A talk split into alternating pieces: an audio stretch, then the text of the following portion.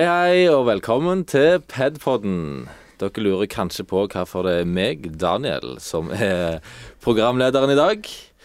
Det skal vi vel egentlig kanskje komme tilbake til seinere. Men eh, eh, Gunvald er jo her. Hei, hei, takk. Det er ikke fordi Trine er syk at du er programleder. Nei, for Trine står jo her. Det hadde vært Jeg er her, jeg òg. Ja, Men jeg tenkte at um, Daniel skulle få prøve seg i dag. Ja. Så da får vi se hvordan det går. Det går sannsynligvis dritt, men eh, ja. Vi får bare prøve. Eh, men i dag eh, så er temaet for podkasten psykisk helse, og da særlig selvmord. Og ifølge tall fra Folkehelseinstituttet så registreres det mellom 500 og 600 selvmord i Norge hvert eneste år. Eh, Folkehelseinstituttet forteller videre at det er vanlig å anta at det er ti ganger flere selvmordsforsøk enn selvmord og rundt 60% av alle selvmord skjer i aldersgruppene under 50 år. Ja, og av den eh, grunn så har vi fått med en gjest her. Oddvar. Ja. God dag. God dag, Daniel. Ja. Oddvar er en god venn av meg. Eh, og hvorfor er du her i dag, Oddvar? Fordi at jeg er en god venn av deg, og du eh, spurte meg. Ja, Så nå, nå ja, møter jeg opp ja men rett fra fjoset på Finnøy. Ja. Ja. Men eh, tilbake til 2009. Ja. Hva skjedde da? ja. Da prøvde jeg å ta livet mitt i Oslo. Veldig dårlig stemning. Ja, det, det tror jeg på. Eh, kan du eh, Du kan egentlig bare begynne med å lese et innlegg eh, på bloggen din. Ja, min eminente blogg. Det blir på nynorsk, dette. Ja, det er kjempeflott. Vi elsker nynorsk. Språket som Gud sjøl har lagd. Fint. Eller Ivar Aasen, som nå kalles. Men OK, flott. Kall det kall det, kall det hva du vil. Ja. Jeg var ved en endestasjon. Det var bare å lukke igjen øynene, så var det hele over. Jeg hadde gjort det jeg skulle. Gangen på hotellrommet var sperra med bord og strykebrett. Jeg hadde skrevet lapp på norsk og engelsk. Hello, don't go into the room call the police. Jeg ville ikke traumatisere noen som ikke var vane med å håndtere lik. Alle brevene fra meg var lagret på en Mac. Jeg hadde skrevet en lapp til politiet på sida av den med videre instrukser. Ikke ring hjem til mine foreldre eller samboer først, ring min onkel. Ta ham med til Finnøy og hjem til Vignes og informer de nærmeste sammen med han. Etter de har fortalt hva som har skjedd, kan de gi deg brevene fra Mac-en. Jeg skal gravlegges på Finnøy om det er greit for familien. Notat om gravferda ligger på Mac-en i lag med passord til Facebook og e-post. Men burde jeg ikke hatt en god avslutning på Facebook, forresten? Jeg ble usikker. Jeg kunne ikke legge ut noe som kunne røpe hva som skulle skje. Samtidig ville jeg ikke la en status om en fotballkamp være min siste ord i verden. Jeg fant på en briljant løsning. Jeg satte et punktum. Det var uskyldig og ville ikke røpe sin egentlige mening før jeg var død. Da kunne det bare vært det stående slik, og folk ville vite hva det betydde. Jeg setter punktum for livet mitt. På Facebook. Jeg satte meg godt til rette og lukka øynene. Jeg husker jeg lo litt for meg sjøl over at det skulle ende på denne måten. Hvem skulle trodd at livet mitt skulle ende slik? Født på ei øy utenfor Stavanger i en stor og god familie. Endte opp med selvmord i Oslo. Det var helt sprøtt. Men nå var det over. Jeg folder hendene mine til den siste bønnen. Kjære Gud, jeg forstår godt om jeg ikke kommer til himmelen, men det hadde vært mest praktisk. Jeg kjenner flest folk der. Amen. Så sovna jeg. ja. Så sovna du. Så sovna jeg. Men du våkna jo. Så våkna jeg. Ja. Kort om hva som skjedde da. Da var det veldig kaos. Uh, det var far min som ringte. Uh, det var veldig kaos uh, i hodet. Jeg, jeg husker at jeg sa, jeg sa til han at jeg var på, på jobb. Han ringte. Så sa han at nei, du er ikke det. Så sa jeg nei, fasiken du, jeg er på Jeg har forsovet meg. Jeg er hjemme. Og så eh, sa han at nei, fordi fra jobb er hjemme hos deg. Hvor er du? Og så eh, ble meningen med at jeg skulle gå på en plass som heter Holbergsplass. Eh, og jeg eh, sprang ut av rommet og prøvde å rydde opp, og ble låst inne på Ullevål psykiatrisk noen uker. Mm. Ja. Men nå, da? Men nå er jeg jo her, Ja. så da må det jo ha gått godt. Ja. Tror du ikke det? Jo, jo. det, det ser jo virkelig sånn ut. Mm, Ja, kan jeg spørre om en ting? Eh, Ja. Har du lest disse blogginnleggene i ettertid? Uh, nei Hvis jeg kan få kommentarer på dem, så har jeg vel lest dem. Mm. Uh, men det måtte det var, Jeg skrev mest sånn 15-16 ish. Det er ganske sånn tungt å skrive. Mm. For det er ganske sånn Du får ikke eh, Det er veldig vanskelig å skrive liksom sånn som jeg kanskje føler at jeg er. Ja, for det blir på en måte ei annen boble som du må Ja, altså det blir litt altså det, Når du begynner å skrive, så tenker du bare shit, dette er jo virkelig bare møkende trist. Mm.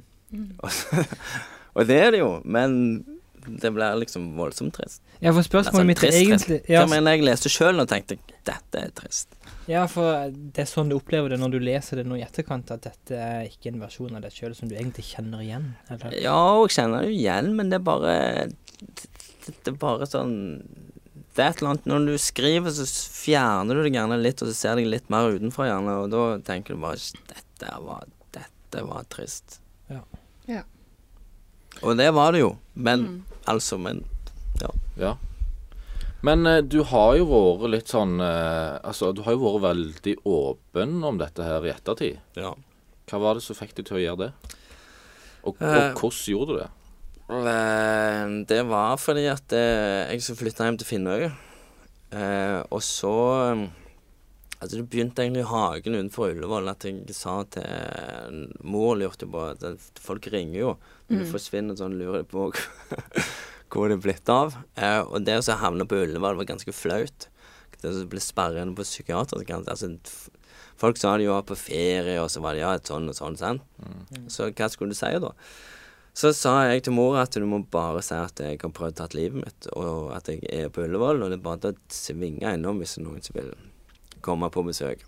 Mm. Uh, og da uh, starta jeg allerede der ganske sånn ærlig og åpent om hva som hadde skjedd. Men så er det sånn at når du er på en liten plass, så blir det veldig lett at det Og det er ikke akkurat sånn at Stavanger er sånn drita svært, det heller. Eh, men finner jo enda mindre. Uh, og da uh, ble det sånn at du tenker at alle ser på deg, og alle vet hva du har gjort. Og det er en veldig sånn skremmende følelse. Og særlig når du er eh, psykisk syk, så føler du òg at folk kan se det. Akkurat som det står en sånn stempel Mm. på deg i panna. Så, altså, jeg husker når vi gikk tur uh, ute på Ullevål psykiater med en bande, som bare tenkte ah, alle, det, her, er- det var mitt nabolag, liksom. Alle kan bare se her at det bare renner sykdom av oss. så, og det er sånn eh, Og det tenkte jeg litt på Finnøy òg. Beklager, jeg spytta på deg der. Eh, så, uh, så var det sånn at det, hvis jeg da var åpen om det, så slapp jeg at de Når du traff noen på butikken, da, at de liksom sa Ja, ja, der ser du Så en tomat og Terje, der var Han har jo prøvd litt av hvert, for å si det sånn. Da, da kunne han andre si det. Jeg vet jo det, jeg har jo lest om det, eller hørt om det, eller han har jo snakket om det, eller Mm. Ja, så du kunne på en måte avlive den bygdesnakket på forhånd, egentlig? Ja, jeg følte det. Uh, uh, og så var det sånn at jeg snakket med legen min om det. Han sa at det var, var veldig for at du kjørte den der At du møtte opp plasser, kom deg ut, og bare tok plass. Mm. Uh, og Finnøy er det sånn at hvis du blir med på fotball, f.eks., så er det ja, så, så er det greit. For da er det alle så happy hvis du kan være keepertrener eller noe sånt. Og plutselig så da var du en plass uten at Og så, så var det liksom det du gjorde. Mm. Og så eh, lulla jeg meg inn i Tror på at alle visste noe om det, men så hadde vi foredrag i 14, 13, slutten av 13, meg og en annen fra Finnøy. Hadde det på Finnøy. Eh, og da var det veldig mange som ikke hadde visst dette. her. Eh, Så da fikk jeg en sånn forsinka Forsinka angst. For at, eh, for at dette var så gale at de bare hadde faktisk ikke snakket om det, mange. Okay. Så det var, det, det var liksom sånn at de faktisk mange ikke visste om det. Fordi det hadde blitt for tida, eller? Ja, det var bare Det var liksom eh, det, det, Vi snakker ikke om det, Ja. tror jeg. Så hadde jeg visst det, så er det faktisk ikke sikkert at jeg hadde, at jeg hadde vært så åpen etterpå. Men jeg bare, jeg bare bestemte meg at liksom jeg bare, Ja, alle vet det, så da, da er det ikke Mm. noe farlig. Mm. Det er ikke så farlig med det som alle vet. Nei. Ja, men du, eh, du tok det jo ikke Eller du stoppa jo på en måte ikke med å bare fortelle det til de nærmeste og til lokalmiljøet. du hadde jo en eh, kronikk i Aftenbladet. Nei, Aftenposten. Aftenposten. Ja. Mm. Stemmer. ja. Ja, og det var fordi at jeg leste en sånn eh, Altså, det, var Tiden Tidene forandret seg ganske fort. 14 så var det ikke så mye selvmord og sånt som ble skrevet om. Men så hadde Aftenposten Jeg liker veldig godt Aftenposten. eh, har en også A-magasinet, som nå kom ut i Stavanger Aftenblad òg. Eh, der de liksom gikk gjennom og så snakket med etterlatte etter selvmord. Eh, og så var det en del ting der som jeg syns bare var sånn OK, lurer de på det, liksom? Det syns jeg var ganske åpenbart. Det var ma- mange sånn flinke folk som tok uh, livet av seg, så de, og de forklarte liksom at gjerne ja. Og det var så rart, for at på jobben den dagen så hadde han en veldig god eh, presentasjon. Ja. Eh, og det var Og så gikk han til livet av seg etterpå. Det var veldig Det forstår jeg ikke.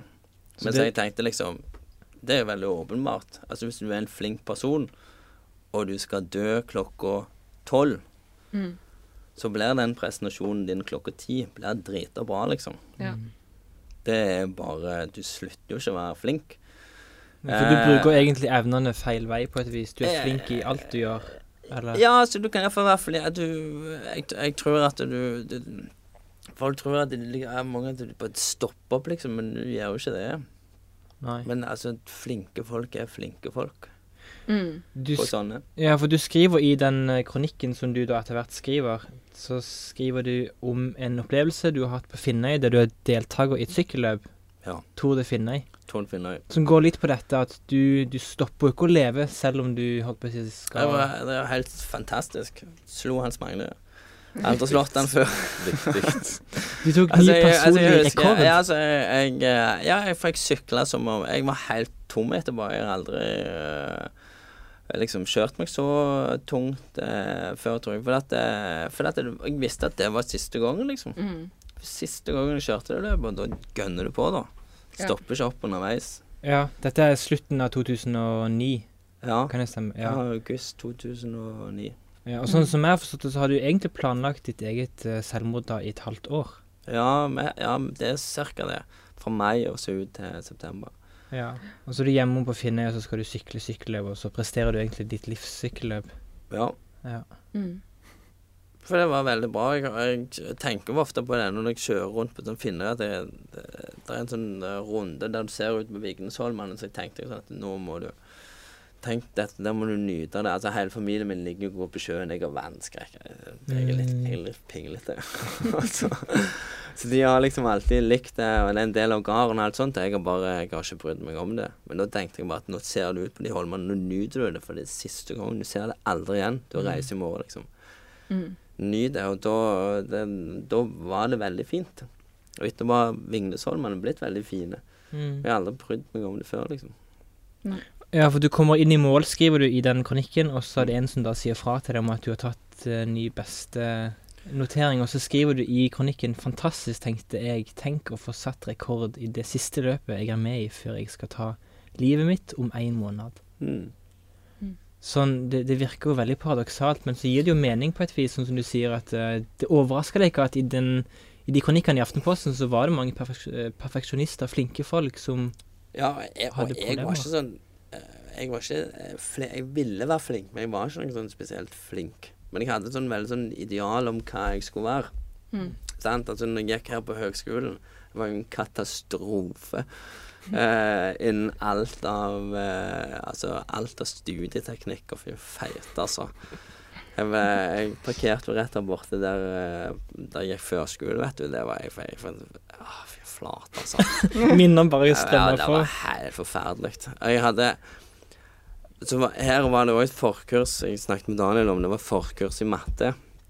Sant? Og jeg, I 2001 så hadde jeg jo hoppet av historie grunnfag, for dette, det er faktisk ufattelig kjedelig. Det har disse to tatt. Ja, det er så kjedelig. Ja. Sant? For jeg, dere holdt ut, dere, og, og, Ja. og Ja. tenkte ja. så ja, holdt ut. Jeg bare venta på Hitler og skulle være god gang, vet du. Men så ble jeg bare med Egypt og Hellas og Ja, ja. forferdelig. Ja, for kjedelig. Du venter på alt det spennende. Ja, alt det kjekke som hele i verdenshistorien har skjedd mellom 1940 og 45, som kjent. Så uh, det trodde jeg var at det hele det, Jeg trodde det var liksom uh, et grunnfag i krigen. Men det var det ikke. Og så begynte jeg da på uh, grunn... Altså begynte jeg på førskolelæreren, som var helt forferdelig kjedelig. Det òg. Eh, grusomt. Men der eh, fullførte jeg jo en del eh, fag. Jeg fikk 2,1 i, i, på drama. Mhm. Der jeg var eh, Der jeg hadde en fantastisk rolletolking. og så Det husker jeg ennå, for jeg hadde glemt ut. For jeg tok det veldig rolig, for jeg tenkte det var bare sånn sceneprestasjon. sant? Ja. Da stresser ikke jeg. Og så kom jeg til dagen, og så eh, skal jeg være en liten gutt. Og så tenker jeg jeg har jo en og så kan han gå kledd? Så kommer jeg opp, så har jeg liksom ingenting. Så jeg må ha en pyjamas. Jeg bare, pyjamas, hva er dette for noe? Så ender med at jeg må ned til en plass til Kari Sørbø, som ligger rett med Rolfsen. Jeg kjøpte en sånn todelt dame, så viste jeg være en damepyjamas. Det er over 1000 kroner. Da jeg skulle være gutt seks, så hadde jeg kløft ned her, liksom. Bare ah, OK, det var For det ene skuespillet. Ja, så, eh, og da eh, Men det året så ringte en kompis av meg og spurte da om eh, jeg skulle flytte til Oslo. For jeg gikk på skole i Grimstad på videregående. Alle var liksom girte. Han Naude der kom jo noen år etterpå. Selvfølgelig. Men han sa nå samles vi, liksom. Og så spurte jeg liksom hva skal jeg gå på. Og han sa ja, du er blåruss. Da ja, kan du ikke bare ta et eller annet på BU, da. Jeg sa jo, hva skal jeg ta der? Nei, ta bedduck. Alle klarer det. Ah, OK. Da visste jeg at jeg akkurat hadde strøket på førskolelærer matten. og så måtte jeg gå på sånn kur- forkurs som de har her oppe. Og du vet at hvis du må ta et forkurs i matte, da bør du, du bør, må bare komme deg til høen vekk, altså. Jeg vet på de der som går på det der forkurset der for ingeniører, de, de tror ikke de blir top of eh, the class, for å si det sånn. Det ble jeg veldig overraska over. Det er et sånn haug med folk som bare bare tenker åh, jeg burde vel valgt en annen utdanning, burde jeg ikke? Hvis du må ha forkurs. Åh, det er grusomt. Ja. Så jeg eh, Ja, jeg var ikke noen god student. Men du kom deg innover til Oslo, for nå er vi jo i begynnelsen av egentlig ja. historia. Mm. Ja, kom jeg inn til eh, Oslo, så gikk jeg på BI. eh, Så etter ett år på Bedduck, der jeg strøk på matte, så begynte jeg på var det en som sa at jeg skulle begynne på finans? det var folk som har fortalt deg. Ja, Kan ja. du gå på det, Oddvar? Altså, det. Clouet er at jeg er enormt konfliktsky, ser du. Og så liker jeg best å bli leder uh, på, uh, av sånne ting som jeg skal gjøre liksom som meg, Ja. privat, liksom. Da liker jeg best at bare noen sier OK, Oddvar, bare gå der. Og da er det, det er helt fint. Jobbmessig så er det noe annet. Da liker jeg å, å kanskje ha mer kontrollen sjøl. Men Mm. akkurat som privat, hvis jeg skal på ferie f.eks. i London, eh, og min bror ikke er der f.eks. Jeg hater det jo, for når han er der, så bare går jeg etter han. Så slipper jeg å tenke. Skal vi hvor banen til Tottenham? Det driter jeg i. Bare fyller den ryggen der. Trenger ikke tenke noen ting. Det er på nordsida av London. Ja, sant, og jeg har aldri lært meg nord. Jeg, alt er venstre eller høyre eller opp eller ned. Nord og sør, jeg kan det ikke. Jeg, det fikk jeg aldri med meg. Ja.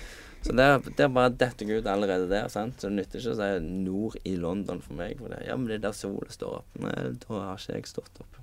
Så uh, Så det er Nei, det er harde bud uh, med denne her BI og finans. Og så begynte jeg å jobbe eh, etterpå. Og så hadde jeg eh, Først var det en sånn ren provisjonsjobb. Forferdelig. Sånn- Veldig sånn proff Proff eh, salgsutdanning først. Så jeg bare tenkte at å, dette er konge. Og så bare fant jeg ut at det, det var bare at du måtte ta så mange spanske at du svekka jo sjela di med 10% per dag du var der. Men det var gratis lunsj, liksom. Hva det du skulle selge for noe? Uh, en sånn katalogoppføringer eh, på internett. Ja. Så det funka, men du måtte være Det som var et trikset, sant, det var at du, du måtte ikke si 'Hei, ja, vi er sponsor Tippeligaen'. Det måtte du bare drite i. Så måtte du si 'Hei, ja, jeg ringer til eh, Takk for sist. Eh, Vi, vi snakket jo i fjor, eh, og skal vi bare gjøre eh, samme. Og folk gjør jo det ennå, men da funker det jo. Men du får jo eh, Du får jo enormt svekka samvittighet på. Ja, for du, du ringer opp til kunder, og så har du egentlig bestemt deg på forhånd at du skal lyve.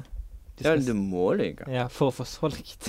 Ja, ja, ja. Hvis det er du skal få solgt noe, så må du gjøre det, for det er ikke liksom selve produktet. Det var ikke, var ikke noe eh, veldig bra. Og så begynte jeg i aviser, eh, og der har jeg egentlig holdt meg etterpå.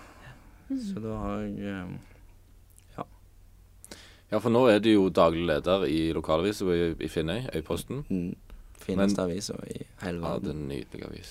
Av og til når jeg ser I dag så har vi levert en trykk. Det er nesten så du begynner å grine når du leser den, for det er så fint. Abonnerer du, Daniel? Eh, nei.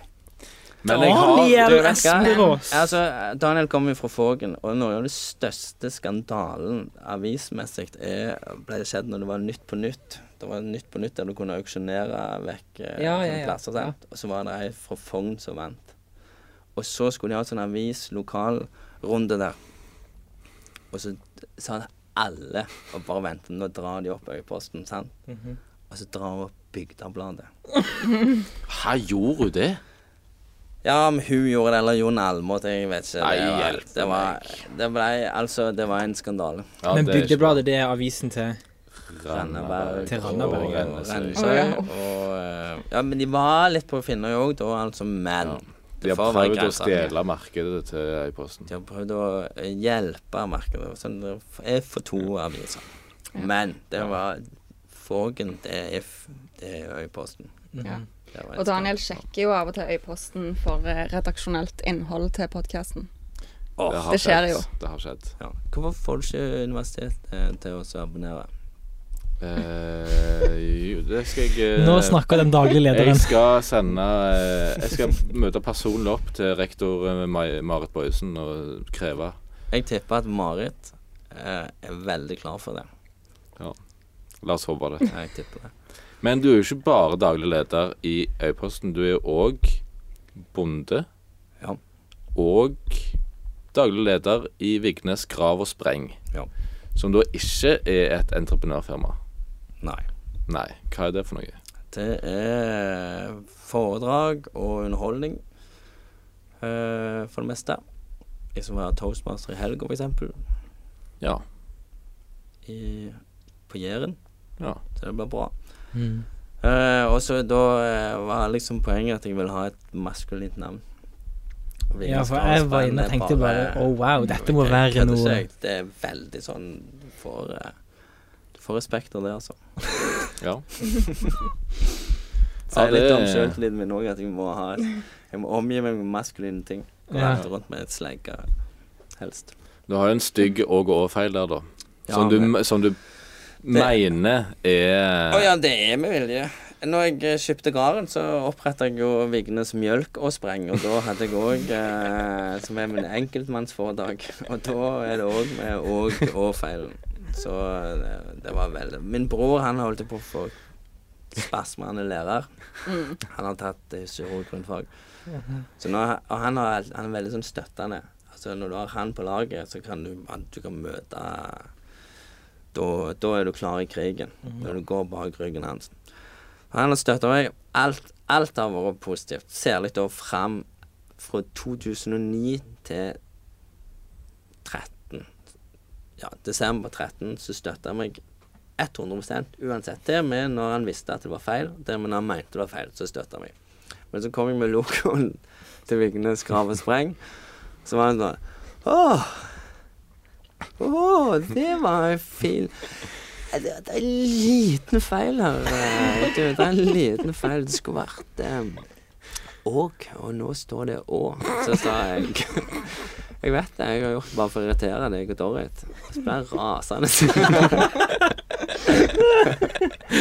Så det tror jeg var litt bra for han òg, at han kom ut for at, sånn at han endelig kunne liksom få lov til å være litt pro. For at han hadde jo Han hadde jo holdt Jeg, jeg var jo 34 år da, eller 33. Jeg hadde gått og båret meg rundt der i fire år, ganske anstrengende. Ja, for sånn som jeg forstått det, så er det et firma du oppretta egentlig litt i sånn kjølvannet av alt som skjedde i etterkant av uh, selvmordsforsøket. Uh, Ja, det var sånn det Altså, det var uh, For når vi skulle begynne å holde foredrag, så ville jeg eh, liksom få foredrag inn i noe som var mitt. Mm. Eh, og da, da ble det at jeg uh, slutta, og så Der jeg var, så oppretta et eget, sånn at den der sidegeskjeften på en måte ble noe som du hadde Mm. eierskap til sjøl. Så det var, det var jo bare veldig flaks, for at vi hadde hatt det eh, i ja, et halvt år eller sånt. Jeg hadde hatt eh, litt foredrag på Finnøy, hatt i Sauda og, og vært rundt. Og så kom eh, Aftenposten, og da var liksom Finnøy erobra, sant.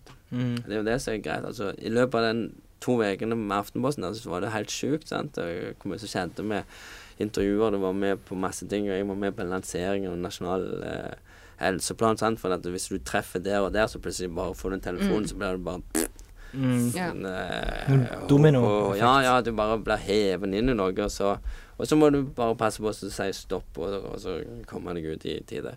Men eh, da Det som er bra, det er at du, du du kan være med på ganske mye rundt omkring, og så kommer du tilbake til Finnøy, og så er bare driter folk i hva du har gjort. altså, jeg var i Jeg var i eh, Aftenbladet nå i høst. De, de skrev en hel serie om selvmord. Aftenbladet, Aftenposten har gjort en kjempejobb. Eh, og har noen eh, De har satt av brukt ganske mye tid på å lage god journalistikk. Eh, og har lagd mye om selvmord. Og der eh, var jeg med. Jeg takte, jeg sa jeg litt nei først, for at jeg, jeg tenkte det er greit at noen andre tar den. Men så hadde det ikke så mange å velge mellom, og så sa jeg ja. Men da havner jeg plutselig på forsida. Mhm. Og det er alltid litt rart når du havner på forsida, for det, det, det slår deg, liksom. Mm. Mm. Og da skulle du det samme som alltid skjer, at du er på jobb i Posten, der jeg jo er mest, og så havner du ute i fjoset. For at det er koselig. Det er dyr, og, og ja, det er fint. Det er fint, det. Men det som skjer når du da er på forsida av Aftenbladet, det er at det er udant utfører Finnøy, så vil folk si 'Å, nei, ja, det var, det var kjekt', eller 'det var fint og flott', og alt sånt. Men på Finnøy, det kommentaren får, det er sånn Altså, hvem er det som går i fjoset med, med jumper og skjorte Ja, det er Ja. og støvler? Og når i huleste begynte dere å gi skyr eh, eh, mjøl fra ei bytte? Altså, hjelpe meg hva som skjer, liksom. Så, og Det er da- Og da var ufarlig, for hele teksten var sånn var bare sånn bom, selvmord, bom, bom, så kom Så kunne du liksom vise hvem som helst finne Ah, ok, ja, det var sikkert fint. Men det der mjølbytta der Hva i all verden? Har dere begynt å drive økologisk her, eller hva er dette her for noe? sant? Og da, eh, er det mye lettere for meg å gjøre det, for jeg har basen Jeg har basen eh, trygg, jeg. Jeg har Vignes, jeg har Finnøy, jeg har alt det der på plass. Som gjør at det er egentlig det du skrur av telefonen For det er et valg eh, som du må, eh, kan ta, eh, faktisk. Å skru av. Eh, det virker som eh, mange mennesker i dag ikke forstår det, men det er faktisk et valg. At du kan skru av telefonen hvis den stresser deg så dræta mye. Skru den av, da. Så, eh, så er det liksom bare det er, ingen, det er ingen som bryr seg. Det er, altså ikke ingen som bryr seg, men det, men det er liksom bare en del av Det er ikke det som er greia, liksom. mm. Eh, på Finnøy Jeg tror jeg mer på Finnøy jeg er mer kjent som han klumsete sønnen til, til far min som har overtatt en gard. Og så er det, Ja, skal han ikke drive videre? Ja, er han forpakt, eller hva gjør de? Ja, er han i fjos, eller ja, Jeg tror jeg har hørt han ikke kan kjøre traktor. Det er mer, altså, det er liksom eh, Det eller at du jobber i Øyeposten, Det er ikke Når jeg går rundt i Finnøy nå, så føler jeg ikke at det eh, At folk tenker liksom på 2009 som Selv om Selv om den da vil henge med meg, eh, så er det liksom eh, Jeg møter mer den når jeg er ute, kanskje. Mm. Kanskje i Oslo. For eksempel på en, eh, hvis du er en en plass der folk er veldig opptatt av psykisk helse, så vet du mer Mm. eh, om det. Mm. Men hjemme, liksom Og det er egentlig fint, for da har du den trygge base, som du sier, som du kan på en måte, Uavhengig av alt som skjer på forsida av Stavanger Aftenblad, så kan du komme hjem, liksom. Ja, ja for dette, det, det, er jo, det er jo en del av det, og grunnen til at jeg vil være og snakke om det, er jo at, for at jeg, jeg mener at det må snakkes litt i hæl, altså. Mm. Eh, og at det er veldig greit. Og så er det jo en sånn eh, det, det kan godt være at det er sabla flaut liksom å ha vært eh, innlagt på Ullevål og prøvd å ta livet sitt. Det kan være det er dritflaut. Eh, men, men hvis jeg sier til meg sjøl at det ikke er det, så er det jo greit, da. Så kan jeg heller eh, vandre rundt eh, livet med den livsløgnen, da. Men alternativet er at du sitter inne og bare skjems i hjel, og det blir det ikke noe kjekt av. Mm. Så eh, jeg har liksom mye andre. Jeg strøk på traktorlappen, for eksempel. Niende. Det er jeg veldig mye mer flau over enn å havne på Ullevål. I hvert fall på Finnøy hvis det er sånn at folk ser på bildene først og Ja, lurer ja, på om matvarer har begynt med økologisk. Det gjør de alltid i aviser, at du ser på bildene først. Ja. Mm. Men um, jeg har lagt merke til at denne bloggen som vi begynte å lese fra i begynnelsen, den har du Eller det, det ser ut til sånn fra utsida at du har skrevet deg igjennom ganske mange opplevelser. Altså du har brukt egentlig bloggen til som plattform for å skrive deg gjennom en del ting, og liksom hvis folk måtte lure, så fins det en blogg de kan eventuelt lese. Ja, litt sånn, for det, deler av det var et bokprosjekt som aldri ble noe av. Der jeg har, fikk noen sånne oppgaver som jeg skulle skrive, så fisla det litt ut i sanden. Um, og så skulle jeg liksom fylle, fylle det opp, og da ble det litt sånn kronologisk. Men så skulle du skrive, skrive om tida etterpå. Jeg, jeg tenkte liksom Skal jeg begynne å skrive på Ullevål-tida, eller sånne ting. Og så ble det plutselig bare sånn Ai, jeg, kommer liksom ikke Kommer liksom ikke i gang uh, helt med det. Så liksom fram til Fram til alt der så har jeg liksom veldig god uh, kontroll, og så Og så eh, må jeg jo få skrevet det ferdig. Det er jo et mål å få skrevet ferdig, men det er ganske tungt å skrive, altså. Mm. Er det tungt å skrive fordi du har distansert deg fra det litt, eller? Ja, li ja jeg, har et, jeg har nok et lite sånn litt distansert forhold til det. Litt. Og så er det eh, Det er liksom når du går inn i hvordan det var igjen, så ser du liksom hvordan bunnløst trist det kunne være. Snakket med de som Det var noen som besøkte meg som jeg traff i helga i, i Oslo. Besøkte meg på sykehuset og fortalte om det der grusomt bedritne eh, rommet jeg lå i. Mm. Der de kom inn og sa ja, så jeg sa ja, så se hvor fint det er. Og de bare nei, sa nei, det er ikke fint her.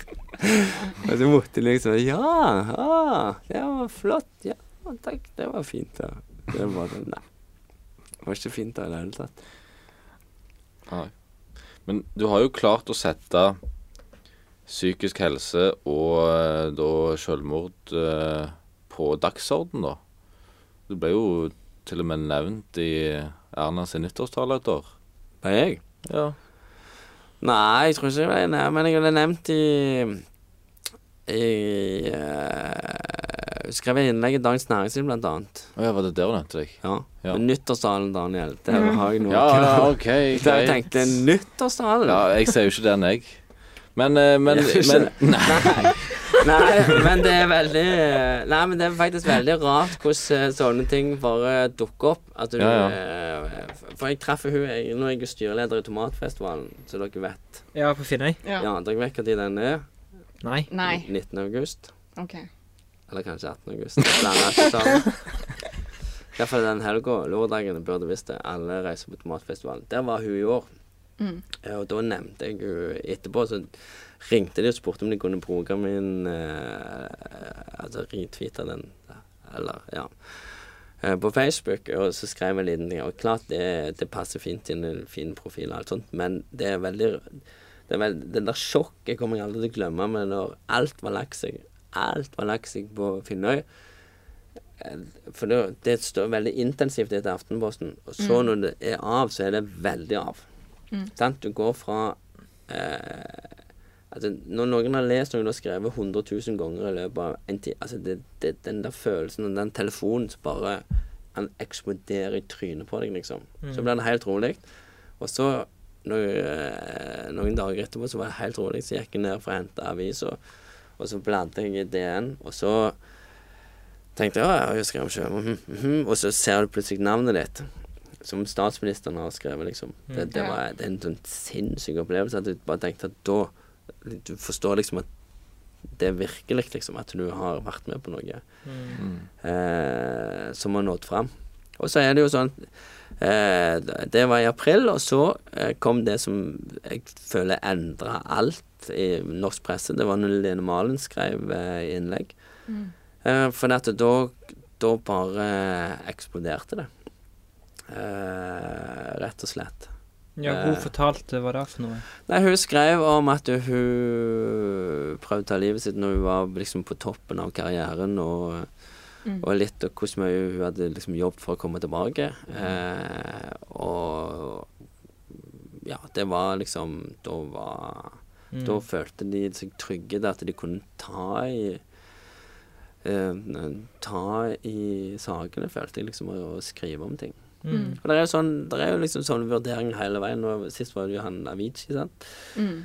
Så tok livet av seg. Det er fortsatt noen som eh, kritiserer norsk presse og sånt. Det er jo egentlig bare tull. For at norsk presse er veldig, blitt veldig flinke. De har hatt eh, Altså, de har hatt veldig god hjelp fra, fra organisasjonen sin, Redaktørforeningen, vel, som har vært inne og, og de har lagt liksom funnet ut hvordan skal vi jobbe med det, og sagt OK, nå har det åpna opp, nå tør vi gjøre mer. De er veldig opptatt av faglig råd. Mm.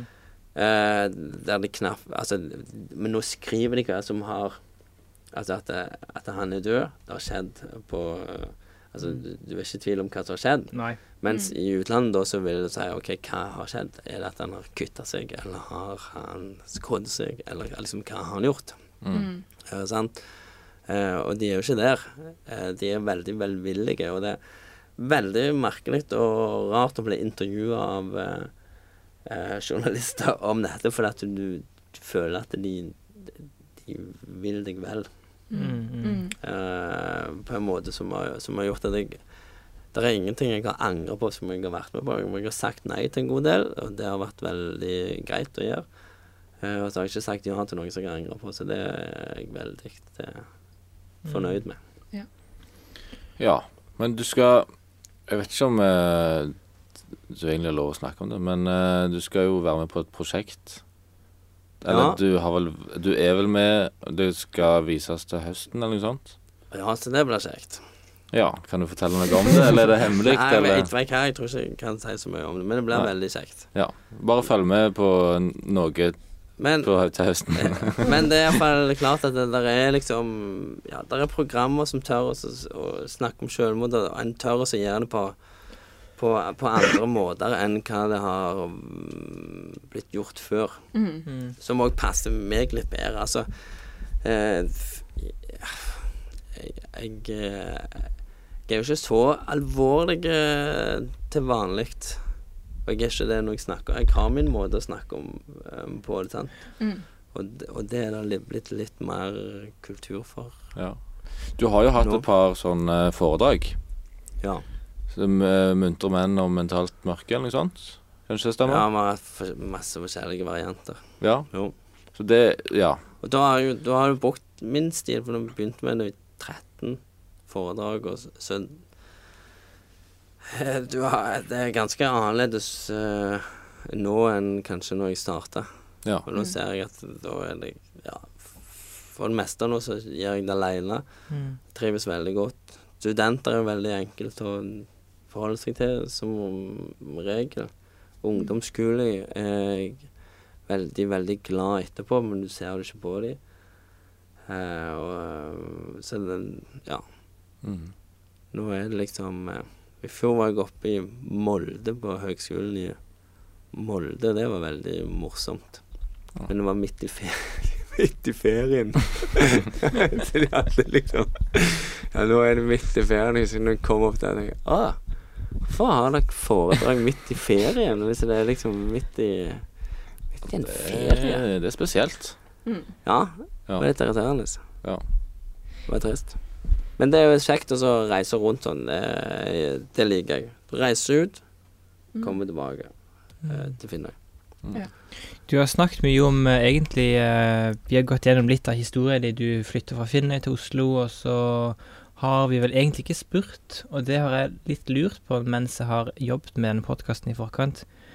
Og det er hvorfor-spørsmålet. Eh, hvorfor ønsker en å ta selvmord i en ganske ung alder? Hva er det som får et menneske til å komme til den konklusjonen at jeg tar Jeg begår selvmord? Ja, det jo et veldig godt spørsmål. Hadde de visst det, så hadde de sikkert adla deg, hvis du finner det ut. Eh, eh, altså, jeg, vet for min del Det som handler om ganske mye, er en sånn En enormt dårlig sjøltillit som jeg egentlig alltid har hatt. Eh, som du bare Når du har det som liten, så, så drar du Bare drar den med deg til voksenlivet så har jeg alltid så har jeg lært meg å snakke på en måte som gjør at du kamuflerer det. Du går i angrep eh, eh, veldig ofte, og da slipper du unna med ganske mye. Eh, så jeg, liksom, i bunn og grunn så er det det som ligger i i, eh, i bak eh, Altså at jeg følte liksom aldri jeg fikk til noe. Da liksom når du strøk på studier, og du mista jobber og alt sånt, du, du, du liksom det bare balla på seg. Og jeg var veldig avhengig av å opprettholde den der illusjonen. Mm. Fordi at jeg følte hvis en okay, hvis jeg ikke har Hvis jeg kommer til å miste jobben, eller hvis jeg mister kjæresten, eller hvis jeg altså, hva som skal Hvis det ryker, liksom, så bare ser de bak, og der er det jo bare dritt. Mhm. Eh, sant? Og så glemmer du ut at det, er de der vennskapet som du har og sånt, som er kompiser Kompiser, de henger sammen uansett, de. Det er helt rart med, liksom, men eh, eh, Men jeg, jeg visste liksom ikke helt hva jeg, jeg, jeg skulle det, ble- det ble liksom bestemt i 1996 at jeg skulle være han løgne i gjengen, sant? Mm. Mm. Og da måtte jeg da, Det var en rolle som jeg tok og la på meg sjøl, med enorme forventninger, men som ingen andre av vennene mine forventa i det hele tatt. Og så finner du ut plutselig at jeg kan sitte med mine venner og bare holde helt kjeft og se på TV. Så er vi fortsatt kompiser. Og så. Det er helt rart når du, når du bygger deg forventninger og tanker i hodet ditt eh, sjøl. Ikke slipper de ut, ikke deler de, så kan de vokse til det mest eh, absurde greiene. Og da kommer du, og kan komme med selvmordstanker og alt sånt. Det, og det er jo relativt vanlig med selvmordstanker. Eller tenker at okay, hva, altså, hvorfor er jeg her i det hele tatt? Men så er det jo det der steget fra at du tenker på det, til at du faktisk gjør noe. Det er der du liksom eh, hopper av. Og le legen min sa, sa til meg at du var ikke sjuk, du. Det var ikke så mye sjuk, du. Du har bare liksom gått deg vill i, i hodet ditt. Og så spalta jeg av alt av følelser eh, på det. Så bare tenker jeg OK. Litt sånn som jeg har sagt, at jeg er en enkel mann. Bare tenkte at OK, nå, eh, nå skal jeg dø. Så da er det planen.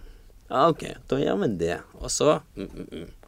Men så når du da overlever, da, så kan du òg faktisk få den til å si OK, jeg kan ikke dø. Nei, da får jeg leve, da. Og så spalter du av eh, og hiver vekk alt det da òg. Men, eh, men det er litt de samme mekanismene som du må ha når du eh, Altså, når jeg ble frisk, var det litt, de det samme mekanismen som når du var syk. Det er derfor jeg, jeg, jeg liker aldri sånn Eller en del sånn selvhjelpsbøker og sånt kan sikkert være, men veldig mye av det eh, eh, går på at du skal være veldig sånn målretta og drive, sant. Du, at du egentlig kan være som en sånn toppidrettsutøver. Jeg har levd, jeg har levd sånn. Da er du et rævhull.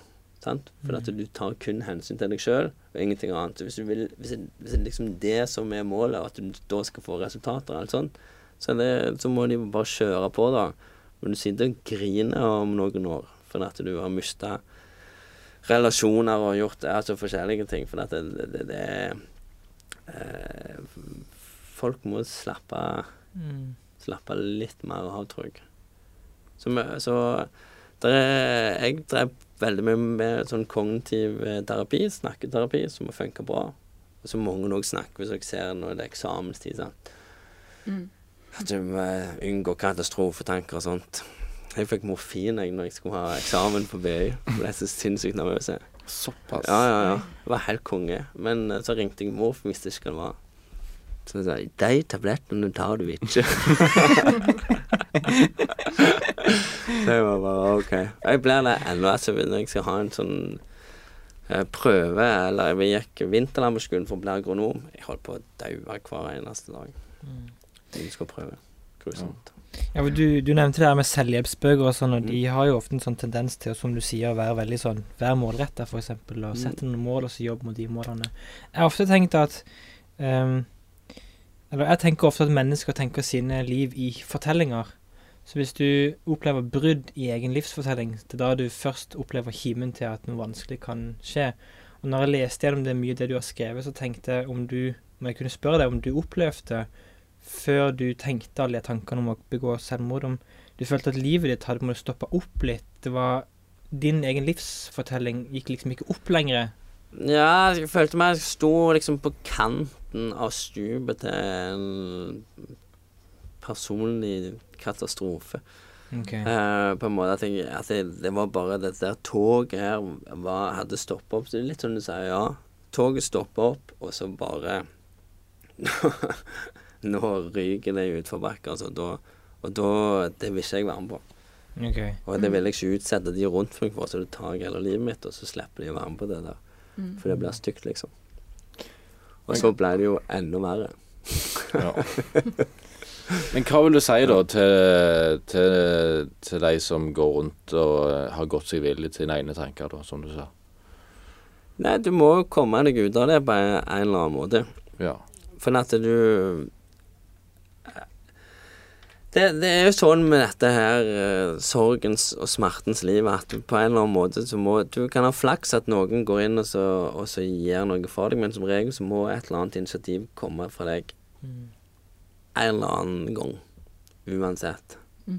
Eh, så må du gjøre det. Om det er å ringe til Kirkens SOS, eller sende en SMS til, til de, eller gå og snakke med en kompis, eller gjøre hva flaten samme Har ikke så mye å si, tror jeg, den første, men det må komme Du, du må sende ut et signal der før.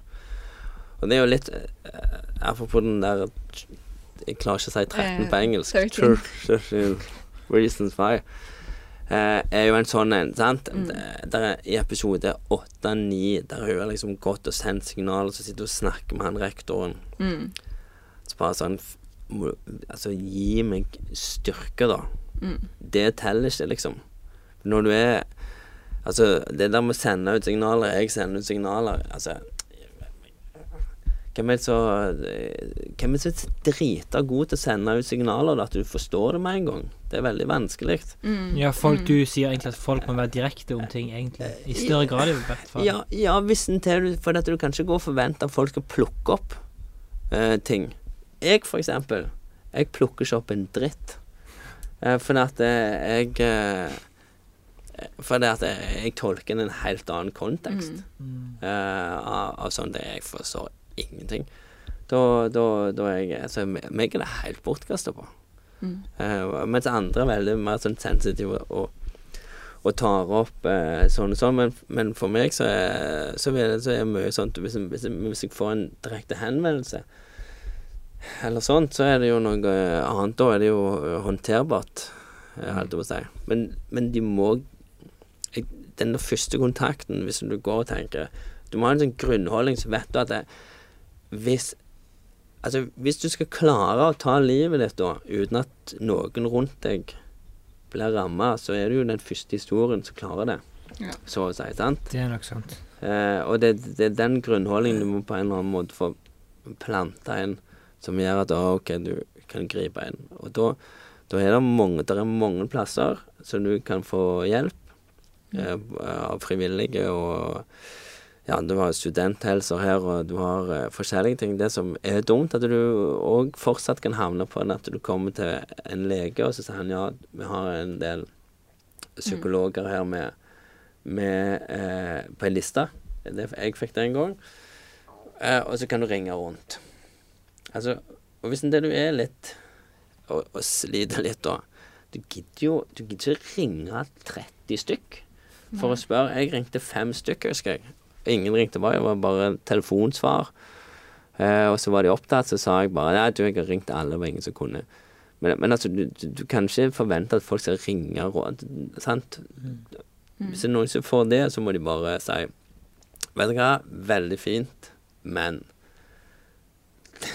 Ja. du, tror ikke du helt forstår uh, greia her.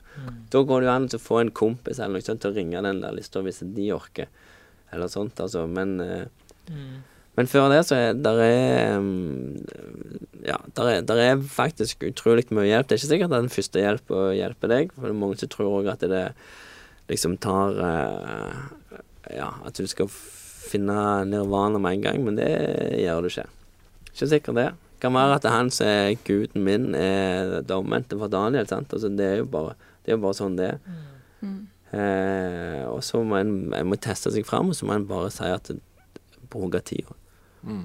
Eh, for dette det tar lang tid. Det må, jeg, jeg tenkte alltid at ja, Når jeg lå inne òg, så jeg skulle bare ha én samtaletime til dagen. Gjør jo ikke en dritt. Men du må jo få hodet til å Mm. til å svive litt òg. Du kan ikke bare Ting tar tid.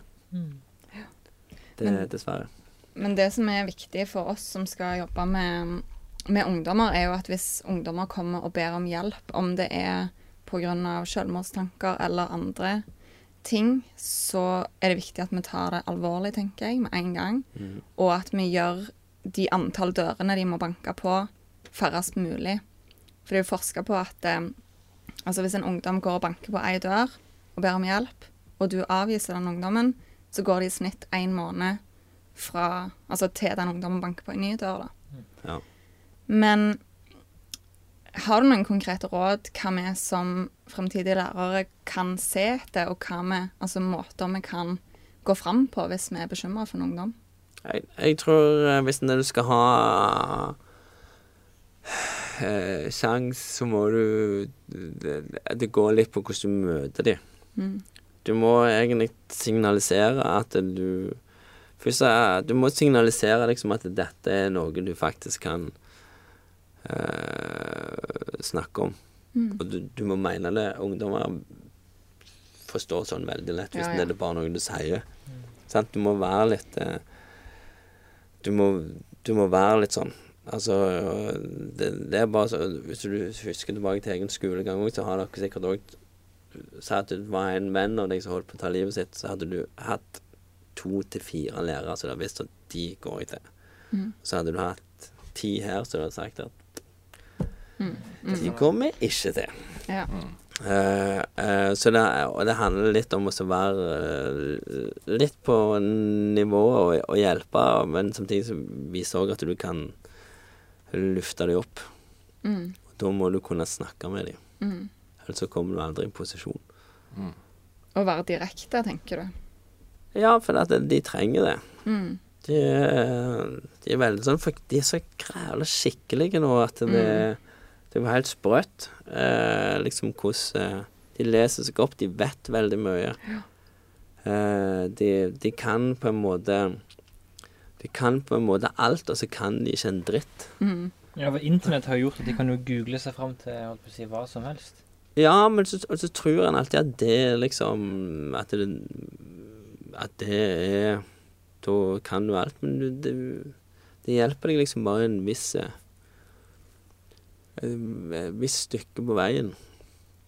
Eh, det er helt eh, Det er helt rart. Men jeg tror også det at det å altså i det, det er jo i det daglige virket som lærer at du ser elevene, og derfor er det også i det daglige du må se etter kanskje symptomer Ja. og treffe elevene. Så må du kanskje være litt eh, direkte og tørre å ta den samtalen, eller de spørre de spørsmålene som skal til for å avdekke om dette barn som har det bra. For jeg tror, jeg tror ikke noe eh, Altså, dere er ikke noe annerledes. Altså, helsepersonell sliter jo med å snakke om selvmord, så hvorfor skulle- i all verden skulle ikke lærere eller Mm. Eh, men jeg mener hvis det du Det er jo sånn debatt om du skal hvor mye psykisk helse skal være på skolen. Mm. Og ikke det er jo noen forskninger Jeg har ikke helt forstått det ennå, som skulle liksom tyde på at det ikke var gunstig. Men jeg bare Jeg kan ikke med min beste vilje forstå hva problemet er at eh, de lærer om psykisk helse skikkelig på skolen. Jeg, jeg forstår det ikke. Jeg, om, om det kommer om, da, om, de, om de har verdens største forskningsrapport på det, så kommer jeg fortsatt til å si dette her forstår jeg ikke. Hvis vi skal ha om seksualundervisning, vi skal ha om alt uh, som vi skal lide oss igjennom. Mm. For at ja, det er bra for dere vet om det. Ja, men flaten heller. Mm. Hva hadde to timer om eh, om hodet ditt eh, hadde Altså Ja, på lik linje som at alle har ei fysisk helse, så har de også Ja, Alle har jo ei altså, psykisk helse. Himmel og hav. Jeg, jeg, jeg forstår ikke Det er sikkert masse faglige innvendinger, men når du bare sitter og tenker på det sånn Kom igjen. Kom, kunne vel lært noe. Så er vel lærerorganisasjoner og sånt som sier ja, men da det er veldig ansvar på oss. Men det er ikke Altså Hvis du klarer å snakke om pøking i to timer, så må du faktisk eh, klare å, å snakke om psykisk helse òg i to timer. Ja. Det er ikke sånn at Å nei, ja, jeg skal jeg skal ha om seksualundervisning, og da må jo jeg utdanne meg til å være en pornostjerne først. Det er jo ikke sånn. Du Kan, de spør jo, du spør jo ikke om du har har før vi begynner, har du Har du gjort det, liksom? Ja, altså, du gjør jo ikke det. Så, eh, så dette her må, dette her må gå seg til. Ja. Det tror jeg. Og de har blitt veldig mye flinkere. De, de, altså, det er helsesøstre, de har eh, Og de har en helt annen rolle nå enn hva Når jeg er 37. Mm. Nå, når vi var Hun var sprøytedame, liksom. Ja, Mm. nettopp. Du, du bare kom inn, og så bare poff! så drylte hun deg, men nå kommer du inn, så bare Hvordan har du det? Ja, til og med når jeg gikk på skole, så var jo det Altså, vi så jo ikke helsesøster når vi ikke fikk sprøyter, liksom. Nei. Mm. Nei, nei, Men- det har forandret ja. seg kjempemye de siste åra. Og miljøarbeidere òg er det jo mye mer av nå enn det var før, så det er jo kjempebra. Ja, så er det Det jeg er for, er at det er Og, og det, det er veldig vanskelig når du skal bevilge penger og alt sånt, men det er noen ting som er så enkelt som at hvis du vet at ting er der, så er det en betryggende effekt i det. Jeg hadde eh, Når jeg bodde hjemme i starten, så, så lå jeg oppe i andre etasje, og så hadde jeg en avtale med moren at hvis jeg ikke får sove, hvis jeg bare det bare hodet eksploderer, Mm. så kan jeg gå og legge meg på rommet deres. Da var jeg over 30 år når jeg snakket med dem. Det var forferdelig dag. Men det skjedde faktisk veldig ofte at jeg bare lå der og tenkte hva jeg kunne liksom opp bare jeg kunne, er her? Altså, og hvordan mye du har kjørt livet ditt på dass. og Alt du bare tårner skal opp. Det begynner å bli lys, og så bare tenker jeg OK, jeg, nå går jeg ned og banker på, og så bare legger jeg meg på sida på gulvet der hos far. Og idet jeg tenkte det, så sovna jeg. Ja. Det skjedde veldig mange ganger. Det at du har For det at det, da hadde jeg en plass, det betyr ikke at jeg brukte den. Da leser jeg av og til at det er noe tomme sengeplasser, så at folk kan liksom ta det. Sant? Det er jo en, I utgangspunktet virker det teit å ha to senger der. Mm. Men hvis ti stykker kan tenke at det, det gjør meg trygg, så er det bra. Litt det samme med miljøarbeidere, med helsesøstre og alt sånt. Det er faktisk en, en backup. Mm. For det er i det det smeller. Så, så det koster så ekstremt mye mer. Det er så vanvittige ja. konsekvenser. Mm. Og, og det er veldig vanskelig å tenke sånn, men det, det er ikke de Det er ikke de største investeringene som, som trengs for å vedlikeholde det. Altså, forebygging koster jo mindre enn sånn, sånn som du sier, når det smeller, da. Ja. Det koster jo staten mye mindre penger. Og det du egentlig snakker om, det er jo den trygge baser hele veien. Så lenge du har en trygg base, så eh, får du trygghet i eget liv, og da går det bra. Ja, og det, Det det, var da du sovna, sant? Ja, ja. Der er jo jeg heldig, for jeg har møtt mange som ikke har uh, noe å komme hjem til. sant? Og det er jo ikke, altså jeg, når jeg lå på Ullevål, så sa jeg at jeg skulle skrives ut til leiligheten min på Bjølsen. Og da hadde jeg vært død nå. Det er jo bare, det er bare sånn det er. det. Oh, ja. Jeg, det her, jeg hadde aldri eh, jeg, Da hadde jeg aldri overlevd.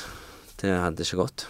Uh, så, så jeg ble skrevet ut til min bror, liksom, og, og hjem til familien. Liksom og kunne flytte hjem. Så det er jo der som er min flaks. Uh, at jeg kan ha det. Men så, så tror jeg òg at du kan skape litt din egen base. Altså du må liksom finne ut hvem du uh, hvem du stoler på, om det er familie eller om det er en lege. Altså du Du finner din base, og så lærer du deg etter noen år kanskje at du kan hoppe over, og så finne en annen base, og så Mm. fortsetter du. Hvordan ligger vi an på tida, vet du det? Vi ligger helt fint an på tida. Ja. Nei, men jeg bare tenkte litt sånn der avslutningsvis at eh, For du holder jo på med en innsamlingsaksjon. Ja, Ja, på Facebook. på Facebook. Ja, hva, fortell litt om den. Det er da Jeg skrev i VG nettopp for en måned siden eller sånt om menn. Det, altså, det er en sånn selvmordstopp i mai. Hvert år. Ja, nesten hvert år har vært. Da tenker jeg at det har sammenheng med at folk er festglade. Jeg Ja, tenker jeg tenk, jeg mai, tenkte 17. mai, og så sånn, så jeg jeg fikk en sånn henvendelse at jeg tenkte sånn OK, ja, jeg forst, det kan jeg faktisk forstå. Mm, Eh, for at det, uh, altså, hvis det skal være trist uh, nå i Stavanger, eksempel Hvis jeg hadde vært student nå, mm, hvis jeg skulle blitt skikkelig deprimert, så var det å sitte inne Det er 500 grader ute. Alle skal på en fest, eksamensfest og alt sånt, og der sitter du. mm, Uh, det er det. Og så er det en, faktisk en god del flinke folk som, som alle tenker ja, du fikk B. Det er jo helt topp. Men så tenker de Jeg skulle hatt A, og det gjør meg til en dritt. Mm. Helt rare ting som skjer i hodene og rundt disse her uh, tidene. mm, Så i alle fall så uh, skrev jeg uh, uh, litt om det, og at en da måtte jeg, jeg skrev nå litt òg om innsamlingsaksjoner, at det var ingen som samlet inn noe selvmord. Det var alltid noe annet. mm, Og så eh, var jeg på sykkeltur. Så kom jeg tilbake, og tenkte jeg, så fikk jeg litt tilbakemeldinger og sånn. Så tenkte jeg Jeg får starte en sjøl, da. Hvis det skal være så vanskelig. Da så tenkte jeg at eh, 50 000, det, var, det er litt for Det er litt for kjedelig. Eh, så jeg tok 100 000. Som ikke er supermye, men det er litt. Mm. Så nå har vi samla inn 67. Eh, og skal ha det innen eh, juni. Så da går han inn på Oddvars innsamlingsstasjon for Kirkens SOS eller noe sånt. Mm. Så. Så da har jeg eh, Ja, vi har gjort litt forskjellig. Nå panteflasken nettopp. Vi skal sykkelløpe på Finnøy før Nordsjørittet. Eh, skal vi ha at folk eh, betaler Betaler for å være med og sykle. Eh, vi må ha noe vaffelsteiking eh, og litt sånn forskjellig framover, så um, Men det er liksom Ja, nå er, bare, nå er det bare den 33 igjen. Ja. Det må Det, det putler og går, liksom. Ja, altså, og nå skal Padpodens lyttere inn og ja. støtte. Nå skal deres massive tilhengerskare skal inn og gi så det svir. Ja. Og det er nå du sier, vet du hva, istedenfor drikk fire øl istedenfor fem, Mm. og så gir du den femte til, til noen. Og, jeg, og grunnen til at jeg valgte Kirkenes SOS, jeg, jeg har jo litt med de å gjøre eh, som regel, og det er at det er at de er det alternativet for folk. Altså at det, de er der, liksom. Og sånne ting eh, koster, og det de er Du kan chatte, du kan ringe, du kan Ja, du kan gjøre det meste. Mm. Eh, og de er liksom overalt i, i landet, og ja. De har, jeg, jeg fatter ikke at de klarer å ha den jobben. Men det er jo helt fantastisk at de kan. Mm. Ja, det virker som et veldig flott, eh, et flott eh, tilbud til folk. Ja. Mm. Hva tid er sykkelløpet på Finnøy? Sykkelløpet på Finnøy er søndagen før Nordsjørittet. Jeg tror det er den 3. juni, jeg. Eh, skal, så da begynner de voksne fra tidlig på morgenen, og så er det noen unger etterpå. Men det, når det er Facebook-aksjon, vet du, så er det litt annerledes. Så, så, så det er ikke alle som har Facebook, så må vi alltid blir det vips. Det som jeg ikke visste på sånn Facebook-aksjoner, var at det var en grense på hva du kunne gi i måneden. Oh. Som gjorde at eh, eksempel når jeg fikk en sånn kollekt på Rennesøy, så, så måtte jeg få Daniel til å sette inn pengene. ja. Oi sann. Så da fikk jeg pengene, signerte de ut, og vippsa til Daniel og en til Thomas, og så satte de inn på aksjonen, så måtte jeg liksom For jeg var sånn ja, ja, hvordan skal du få dette inn? Nei, jeg bare fører det ved Facebook. Å ja, helt topp. Og så skulle jeg gjøre det, så bare sånn Å nei, Jeg. Lite problem her. så sitter du der som en idiot. Uh, så nei, men jeg jeg, er- jeg er veldig for innsamlingsaksjoner uh, sånne ting. Og, så er det en faktisk merker jeg, jeg tenkte ikke over det. Det er en del som er skeptiske til, til Facebook. Mm. Uh, at de Ja. eh, gjør, og det er for så vidt uh, det, er, det er for så vidt greit, men jeg tenker at du må bruke alle sånne muligheter en har. Ja. Altså, akkurat når jeg skrev VG, så har du et momentum, da. Mm. Momentum. Momentum. Ja. Da må du utnytte det til noe positivt. Mm. Det kan du gjøre. Ei uke etterpå Nå er vi jo liksom ei uke etterpå, og to og tre. Så har du ikke samme momentumet, så da må du liksom gjøre det videre uten at du maser folk i, i hæl. Og så er det mye vanskeligere å samle inn til en liksom en Det er ikke noe konkret. Det er ikke sånn at det er Det er liksom det er drift da eh, i organisasjonen. Det er ikke sånn at nå er hjelpetelefonen i Stavanger i ferd med å eh, avsluttes. Og vi har hatt 500 000 eh, anrop i løpet av fjoråret, og vi trenger nå 100 000. Altså, det skulle jeg klart i løpet av to dager. Eh, Ja. Det skulle jeg gjort. Ja. Da måtte du òg jobbe, Daniel. Ja, jeg måtte, jeg måtte vel det. Men du er jo ganske flink på sånne ting. Eh, jeg husker jo med, til, til jul så var det hjemme hos din bror, så hadde vi en liten basar eller et eller annet. Folk skulle ta med Ja. i hvert fall gaver som skulle loddes ut. Oddvar tok med eh, gaver. Han hadde med tre gaver, tror jeg. Ja. Eller noe sånt.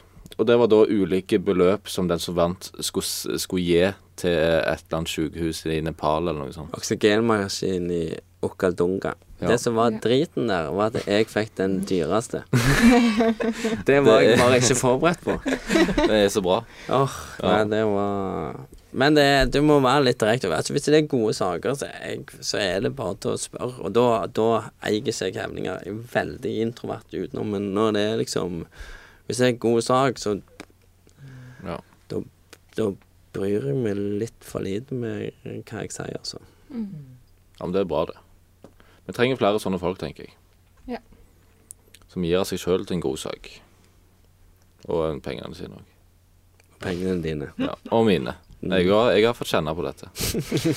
Så bra. Ja. Så eh, mamma, når du hører på dette eh, Det Hun skal sette en Det som dere kan gjøre, dere kan legge ut en link på Facebooken deres. Ja, det kan vi gjøre. Mm. Det For da kan jeg vi gjøre, klikke rett inn. Ja. Særlig mor di, Daniel. ja. Ja Mor mi har ikke Facebook, men, eh, men hun kan gå gjennom faren min. Han har Facebook. Ja, han har mye penger. Han er veldig rik eh, kunstner. Nei, det er ikke sant. Mor er lærer, så de tjener jo veldig bra. Ja. De er formuende, faktisk. Det, ja, det, Topp 20 på Fågen. Nei, det er ikke sant i det hele tatt. Men vi kan dele fra Facebook-pagen vår iallfall. Ja. Og så kan det gjøre vi skjønner noen som vil eh, være med på sykkelritt eller et eller annet. Veldig god oppladning til Nordsjørittet. Vi har tenkt å kjøre fem runder rundt Finnøy. 2,1 mil. Ja.